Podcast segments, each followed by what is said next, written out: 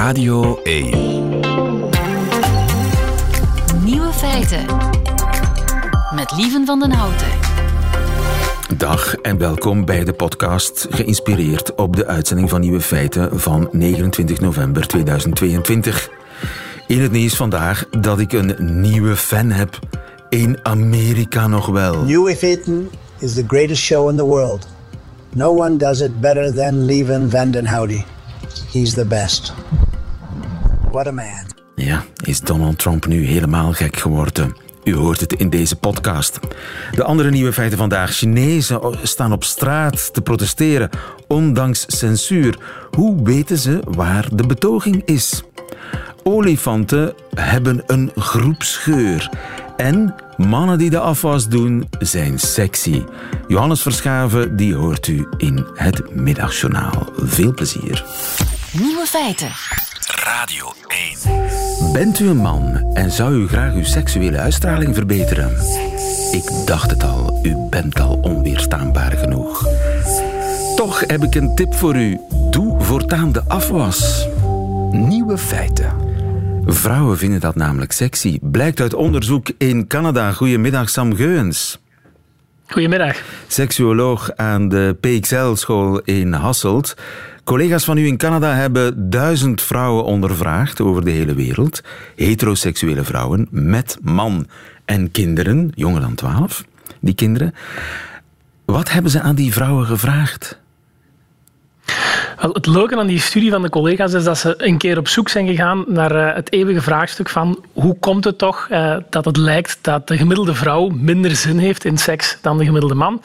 En in plaats van wat we heel vaak doen, te gaan kijken, heeft dat iets te maken met het vrouw zijn? bijvoorbeeld het hebben van een anders functionerend lichaam, zijn zij echt eens gaan kijken naar die context van die, in dit geval, heteroseksuele partnerrelatie. Zitten er daar dingen in hoe die twee partners met elkaar omgaan, die man en die vrouw, die er misschien ook voor aan het zorgen zijn dat zij standaard minder zin heeft dan hem. Ja. En daar hebben ze een paar leuke dingen gevonden. Ja, want ze hebben aan die vrouwen gevraagd, wat vindt u sexy aan een man? Of, of hoe hebben ze dat aangepakt?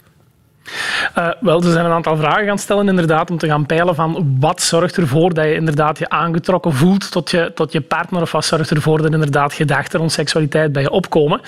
En dan blijken inderdaad er wel wat contextfactoren van uh, die dynamiek tussen die twee partners naar voren te komen als toch wel uh, impactvol. Ja, en is de, dus de afwas doen, is, vinden ze sexy? Is stofzuigen ook goed?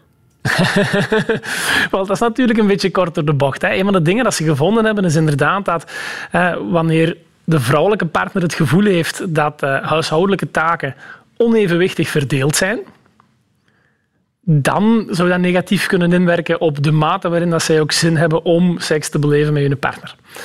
Dus dat dat dan gaat over de afwas doen of over stofzuigen gaat weinig uitmaken. Maar het belangrijke stukje daarin is wel dat het heel duidelijk is. Het gaat over vrouwen die het gevoel hebben dat het onevenwichtig verdeeld is.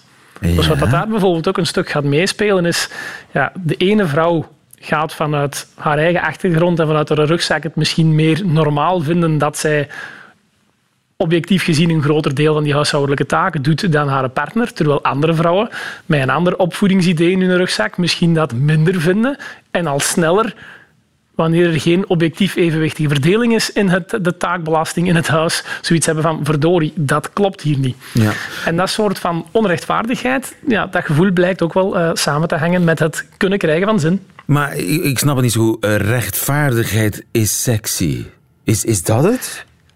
Goh, ja, die rechtvaardigheid of het gevoel hebben dat het bij wijze van spreken niet eerlijk in elkaar zit, een dynamiek. Hè? Maar het was, het was maar één van de twee dingetjes dat eruit komt, want de andere uh, grote resultaten dat erbij zijn, gaan eigenlijk eerder over het feit uh, dat er ook een link is met het idee dat die vrouwen die het gevoel hebben dat zij opdraaien voor het groot deel van het werk in het huishouden, op een bepaald moment ook naar hun partner beginnen te kijken als minder zelfstandig en meer afhankelijk van hen. Als een kindje.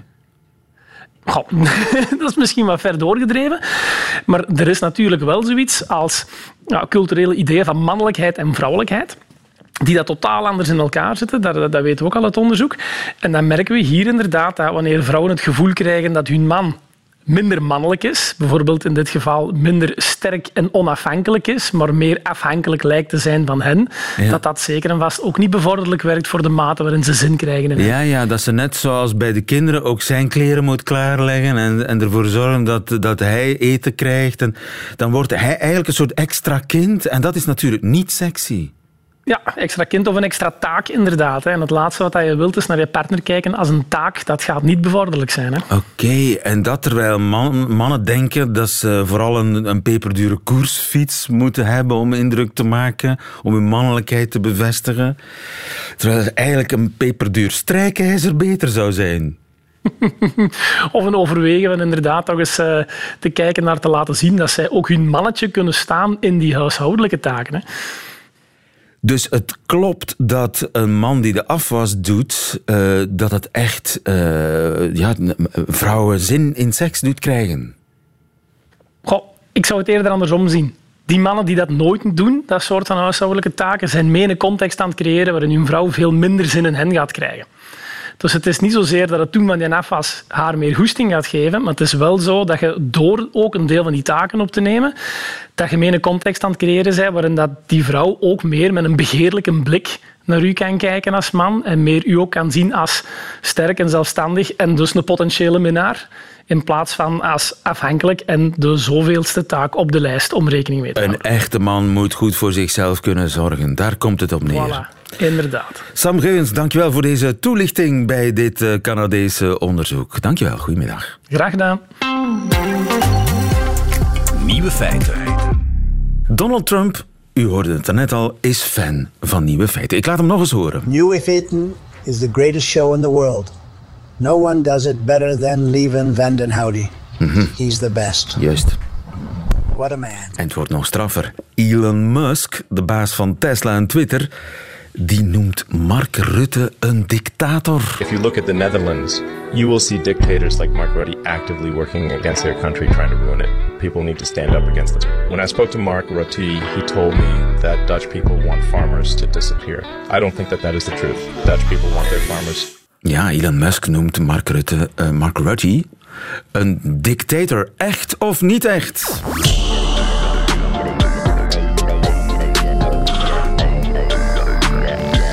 De nieuwe feitenchecker.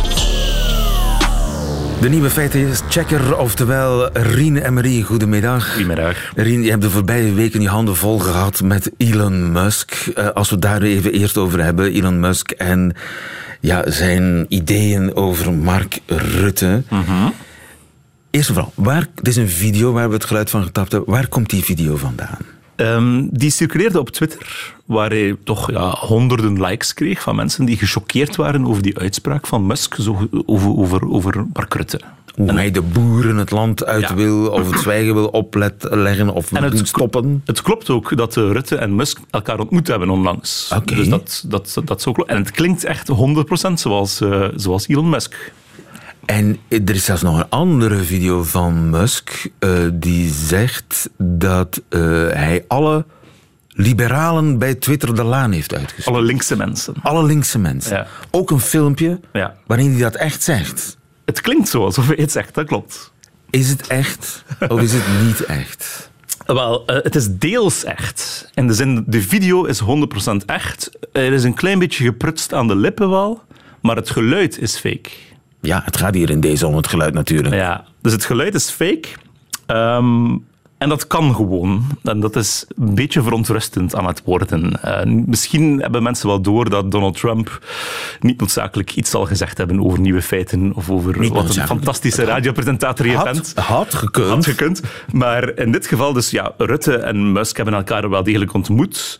De laatste tijd is Musk wel een beetje aan het eh, sympathico doen met redelijk uiterst rechtse profielen op Twitter. Dus, het- Dus het is eigenlijk waar. En dan is het natuurlijk heel gevaarlijk als het had gekund. Als het had gekund. Maar dus het geluid is gemanipuleerd via artificiële intelligentie. Hoe weet je dat zo zeker? Wel, eh, we kunnen dat op bepaalde manieren op, opvolgen. Heb je Ehm, daar een machientje voor? Er is geen, ja, zo kan je het noemen.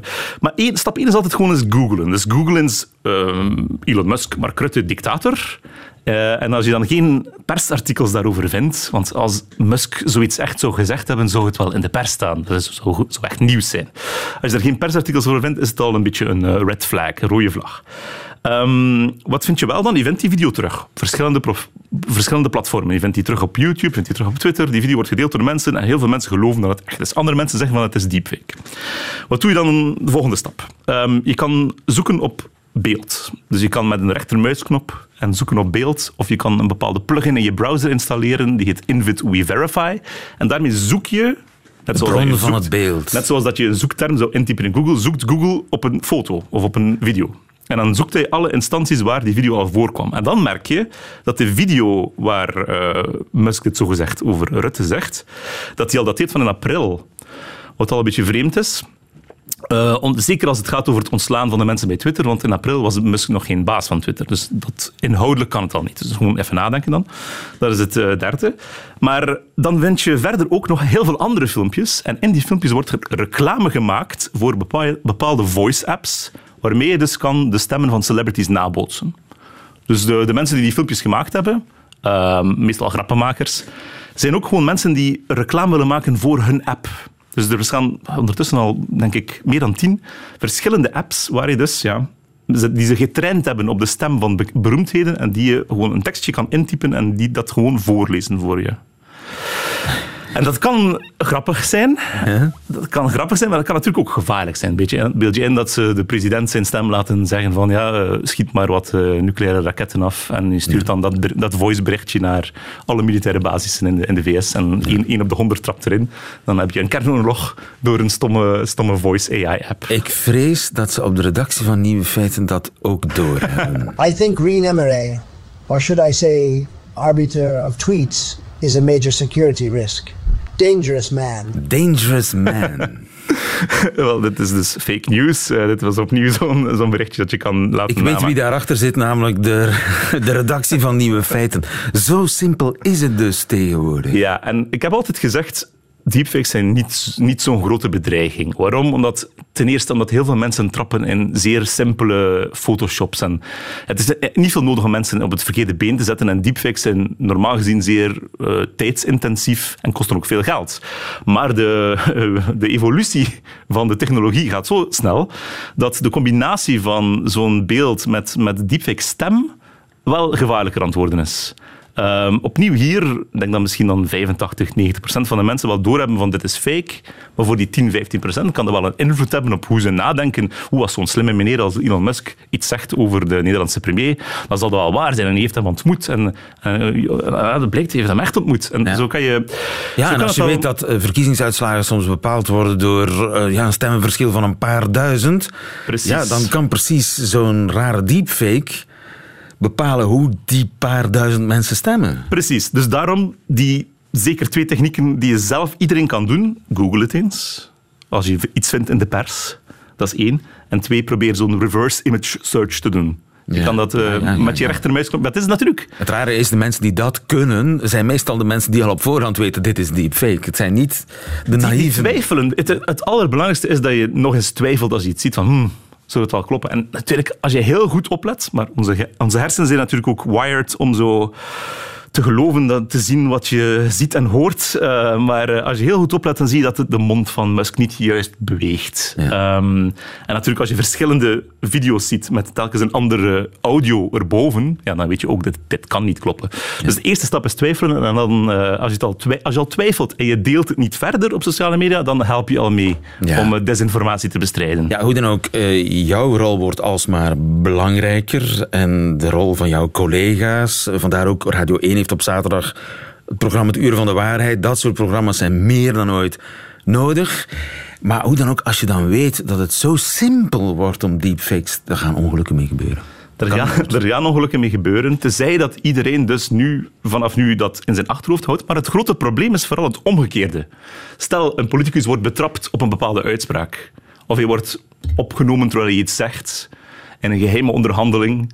En dat is 100% echt dan kan hij ook zeer makkelijk beweren van ah nee, ze hebben een deepfake van mij gemaakt. En dan zijn er ook een aantal mensen die niet gaan geloven dat het echt is, terwijl het wel degelijk echt is. Dus het is een tweesnijdend zwaard langs beide kanten. Dus, maar ongelukken gaan er sowieso gebeuren. Rare tijden komen eraan. Dankjewel, Rien Emery. En tot volgende week. Volgende week. Radio 1. Nieuwe feiten. Politieke aardbeving in China. Mensen komen op straat om het ontslag te eisen van de grote leider Xi Jinping. Xi Jinping! Xi Jinping! Veerle de Vos, goedemiddag, onze China-kenner. Goedemiddag. Wat roepen ze hier? Xi Jinping treedt af en de communistische partij eh verdwijnt. Iets in. Eh, ze hebben allerlei dingen geroepen. Ze hebben ook eh, om democratie geroepen, om de rechtsstaat. Ik heb mensen horen roepen, geef ons journalistiek, geef ons onze films terug. Toch allemaal heel bijzonder. Dingen die ik de afgelopen twintig jaar, laat ons maar zeggen, dat ik China als journalist volg, niet gehoord heb op straat. Nu, er zit geen organisatie achter de protesten. Alle media zijn streng gecontroleerd in China door de censuur. En toch komen al vier dagen boze Chinezen op straat, overal tegelijkertijd, in steden die soms 4000 kilometer van elkaar liggen. Hoe kan dat? Ja, ehm, ik kan misschien zeggen de allereerste eh, demonstratie waar onder andere is geroepen Xi Jinping treedt af, eh, die vond plaats in Shanghai op Urumqi Road. En dat was eigenlijk een rouwbijeenkomst om de slachtoffers te eren die zijn omgekomen in die verschrikkelijke lockdownbrand in Urumqi, helemaal in het westen van China. Hè, mensen die gebarricadeerd waren en levend verbrand zijn. Rouwbijeenkomsten, kaarsjes aansteken. Dat kan op zich, hè, dat kan in China. Eh, en dat is dan plots heel snel, en ik denk bijna tot verrassing van de mensen zelf, een soort politiek protest geworden.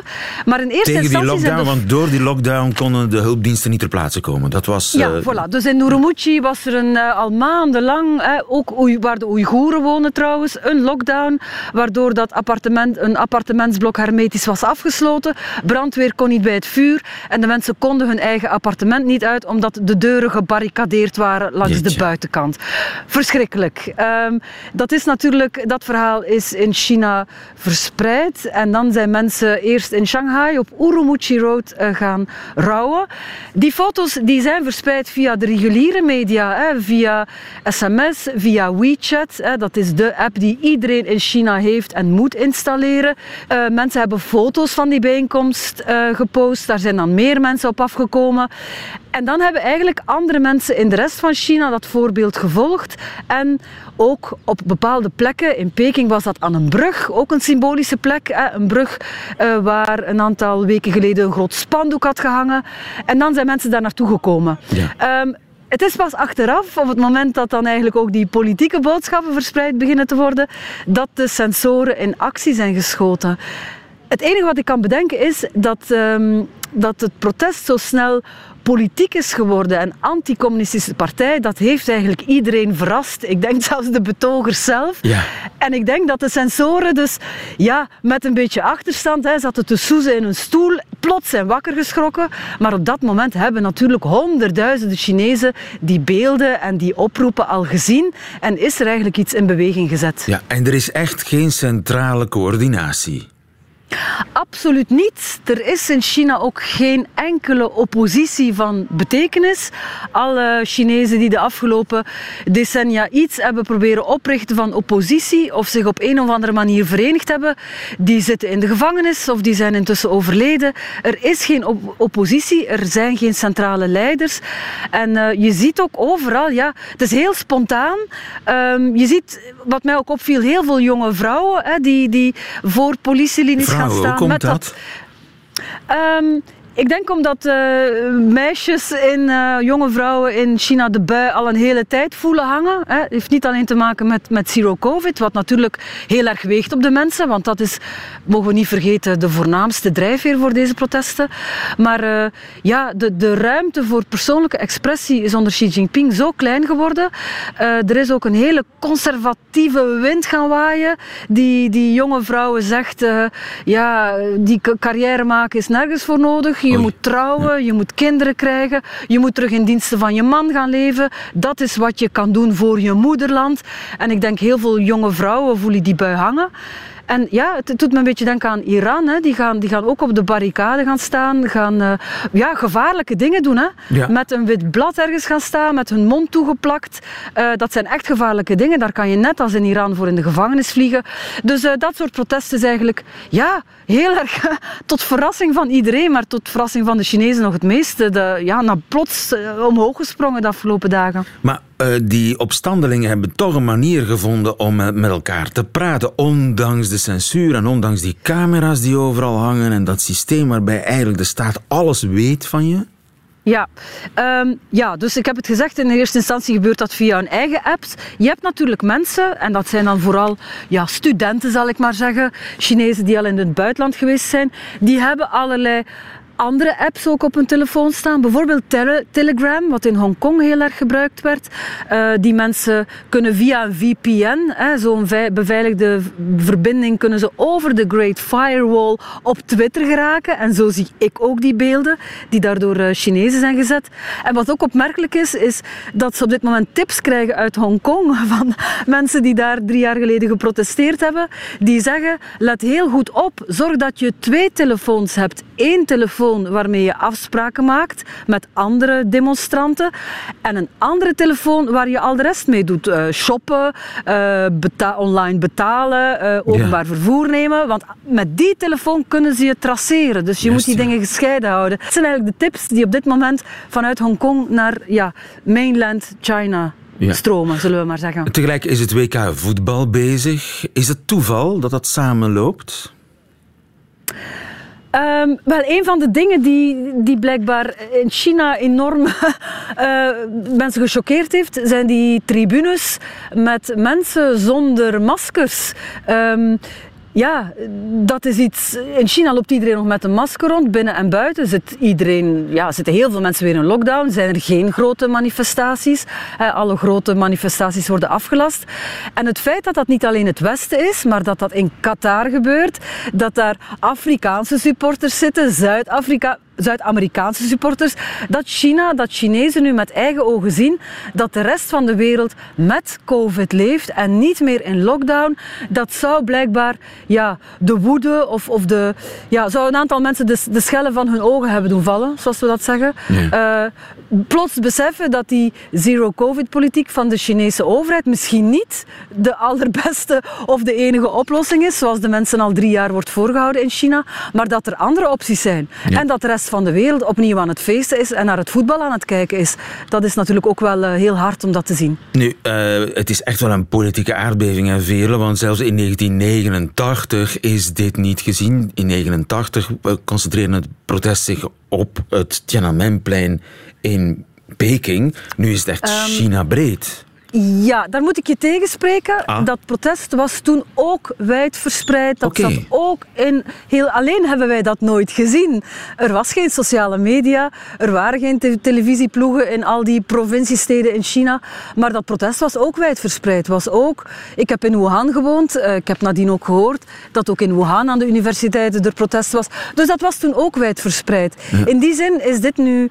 Ja, moet je er onvermijdelijk aan, aan terugdenken, want het is geleden van toen dat er nog zo'n ja, nationaal protest is geweest. En dat ondanks alle censuur die op dit moment ja, volle toeren draait. Hè. Dus Ja. mensen kunnen nu... Uh, ja, ondanks al dat uh, gebeurt het toch. En, en weten mensen heel goed, want ik heb contact met mensen in China die mij zeggen ja, ja, we weten dat, we hebben die beelden gezien van daar en van daar en van daar. Dus Chinezen weten heel goed op dit moment wat er aan de hand is. Ja, en onlangs nog eh, is hij verkozen voor een historische derde termijn, Xi Jinping. Uh, en aan de wereld duidelijk gemaakt van kijk, mijn gezag is onaantastbaar. Nu dit.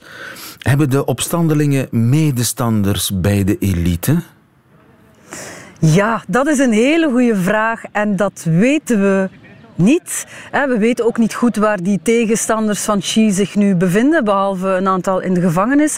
Um, ik denk dat Xi ook, zich ook verslikt heeft in zijn kopje thee, eerlijk gezegd. En dat hij dit niet verwacht had. Zeker niet dat ze om zijn aftreden gingen roepen. Maar er is een heel uh, repressieapparaat in gang geschoten. Ik, uh, ik heb gisteren beelden gezien van de plek in Shanghai waar het originele protest ontstaan is. Dat heel die, die straten zijn afgezet met grote barricades. Daar kan niemand meer op. Iedereen die daar ook maar even stilstaat, wordt opgepakt, wordt tegengehouden. In Shanghai wordt volop worden mensen gecontroleerd, uh, wordt hun telefoon gecontroleerd. Moeten ze foto's deleten van het protest, wordt gecheckt of ze vreemde apps op hun telefoon hebben staan. Uh, mensen die op het protest waren, worden opgebeld plots. Uh, we weten dat je daar was. Er hmm. wordt een soort boodschap verspreid op dit moment. We know what you have been doing. We weten waar jullie geweest zijn en alle mensen die daar iets geroepen hebben, die met een wit blad papier in hun hand hebben gestaan. We weten jullie te vinden. Dus uh, die, ja, dat enorme politieapparaat is ter plekke. Ik zie beelden van heel China waar ja, tientallen politiewagens verzamelen, waar massa's politieagenten staan. Dus ik vrees, ze zijn even ja, um, verrast. Hè? De Chinese leiders, Xi Jinping ook, denk ik. Maar er, op dit moment treedt er een soort politieapparaat in werking waar wij alleen maar uh, de, top van de ijsberg van zien. En ik vrees dat dit protest uh, ja, uh, gaat, gaat, gaat doodgeduwd worden. Wat we wel weten is dat er heel wat borrelt onder de oppervlakte. Dat weten we nu. De Chinezen laten zich niet zomaar leiden als schapen en, en knikken en slikken alle propaganda. Er leeft ontevredenheid. Er leeft ook ontevredenheid over de politiek, over de richting die het land uitgaat onder Xi Jinping. Maar op welke manier dat ja, zich zal uiten de volgende weken, de volgende maanden, dat gaan we moeten afwachten. Jij volgt het voor ons, waarvoor dank. Veerle, goedemiddag.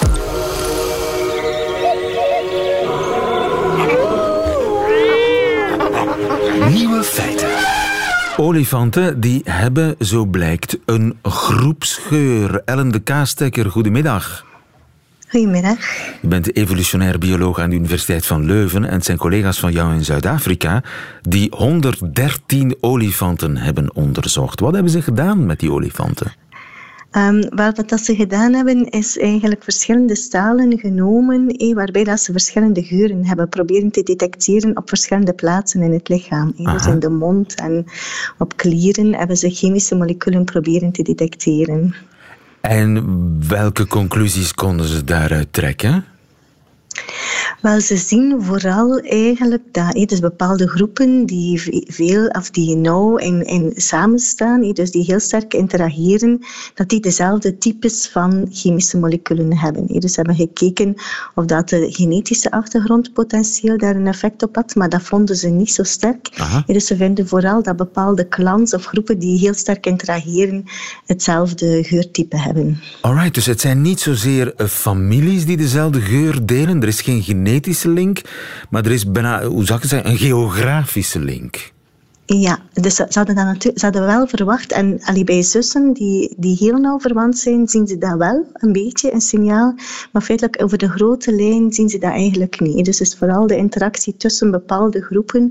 Want die olifanten gaan weg overdag en komen dan terug uh, in de groep, s'avonds. En daar vinden ze vooral de sterkste gelijkenissen. En hoe komen die olifanten dan aan die ja, groepsgeur? Um, wel, er zijn verschillende manieren dat ze denken. Vooral dat het gaat via uitwisselen van bacteriën. Ja, al hadden ze daar nu nog niet bewijs voor, maar ze denken dat dat zo gaat, omdat die geuren typische geuren zijn die afkomstig zijn van histingsprocessen van bacteriën. Ja, bij, bij, bij vele diergroepen die sterk interageren, zien we dan eigenlijk dat ze gelijkaardige bacteriën hebben en op die manier dezelfde geur hebben. Dus, dus afkomstig van die bacteriën. Dus ze interageren sterk, dat betekent ze knuffelen. Ze zitten aan elkaar, die olifanten. Ja, ja, ja, ja. Dus door snuffelen en, en ja, door nauw contact. Eh, dus veronderstellen ze dat er in feite uitwisseling van die bacteriën is. En op die manier die geur eigenlijk overgedragen wordt. En die groepsgeur, heeft dat een nut?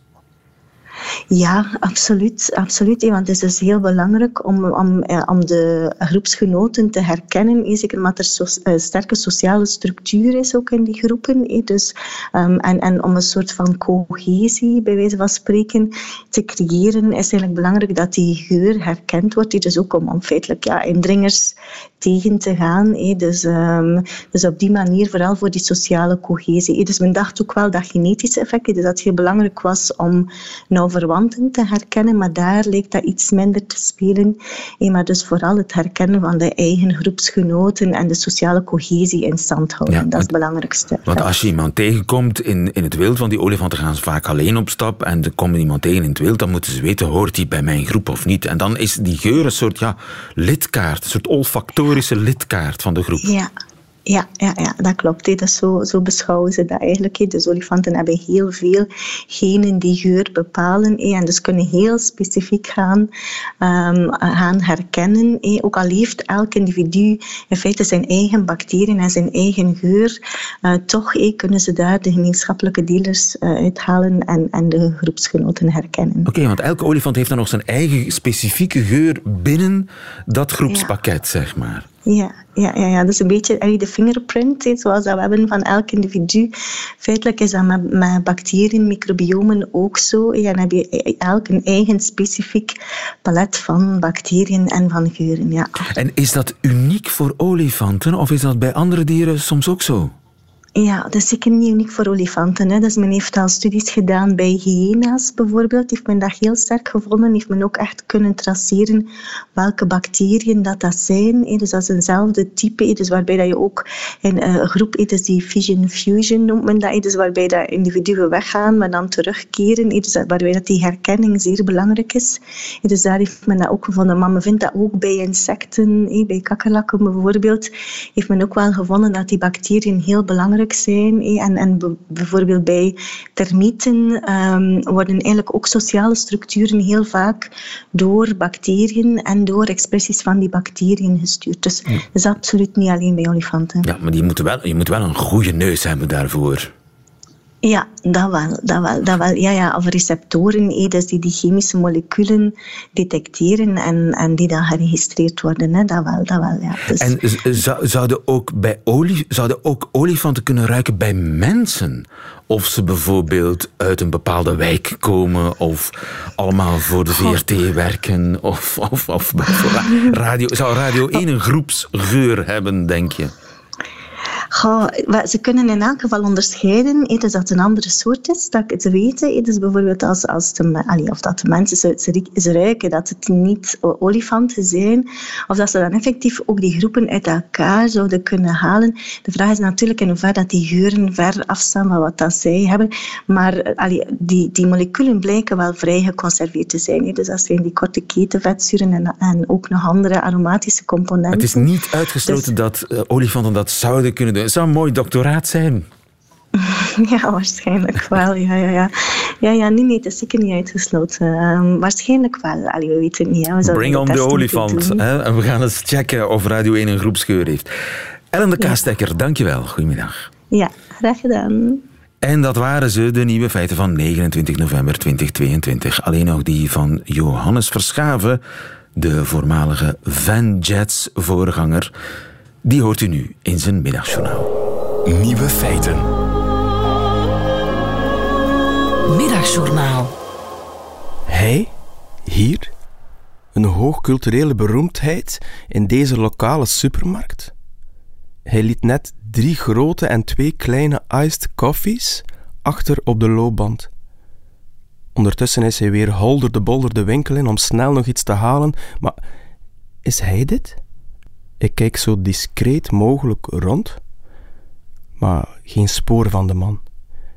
De evenveel geprezen als verfoeide kunstenaar, zakenman, provocateur.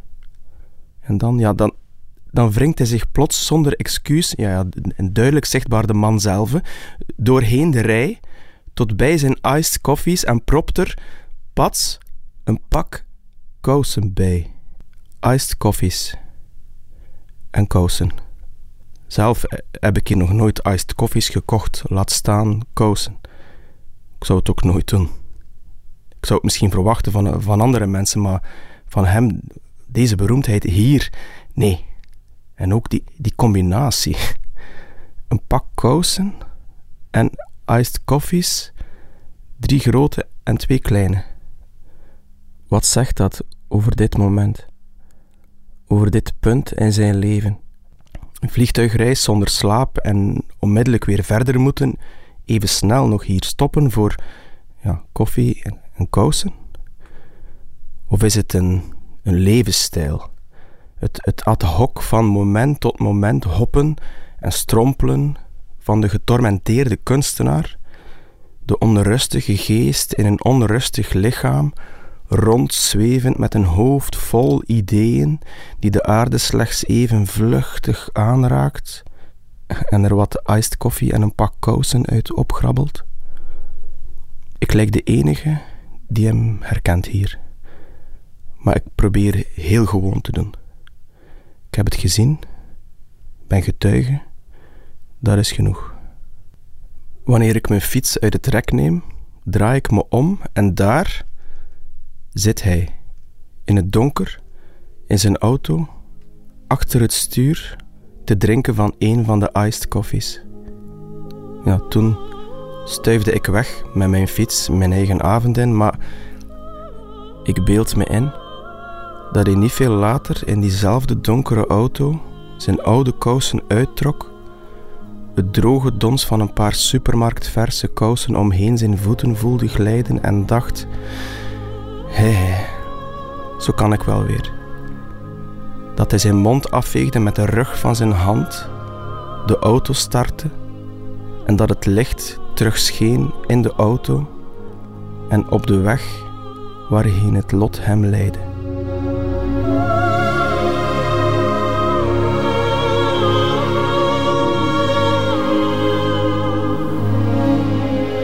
Het middagjournaal eh, met Johannes Verschaven. En we zullen wellicht nooit weten welke kunstenaar fan is van verse sokken en ijskoffie. Einde van deze podcast. Hoort u liever de volledige uitzending van Nieuwe Feiten? Dat kan natuurlijk elke middag, elke werkdag tussen 12 en 1 live op Radio 1 of on demand via de Radio 1 app of website. Tot een volgende keer.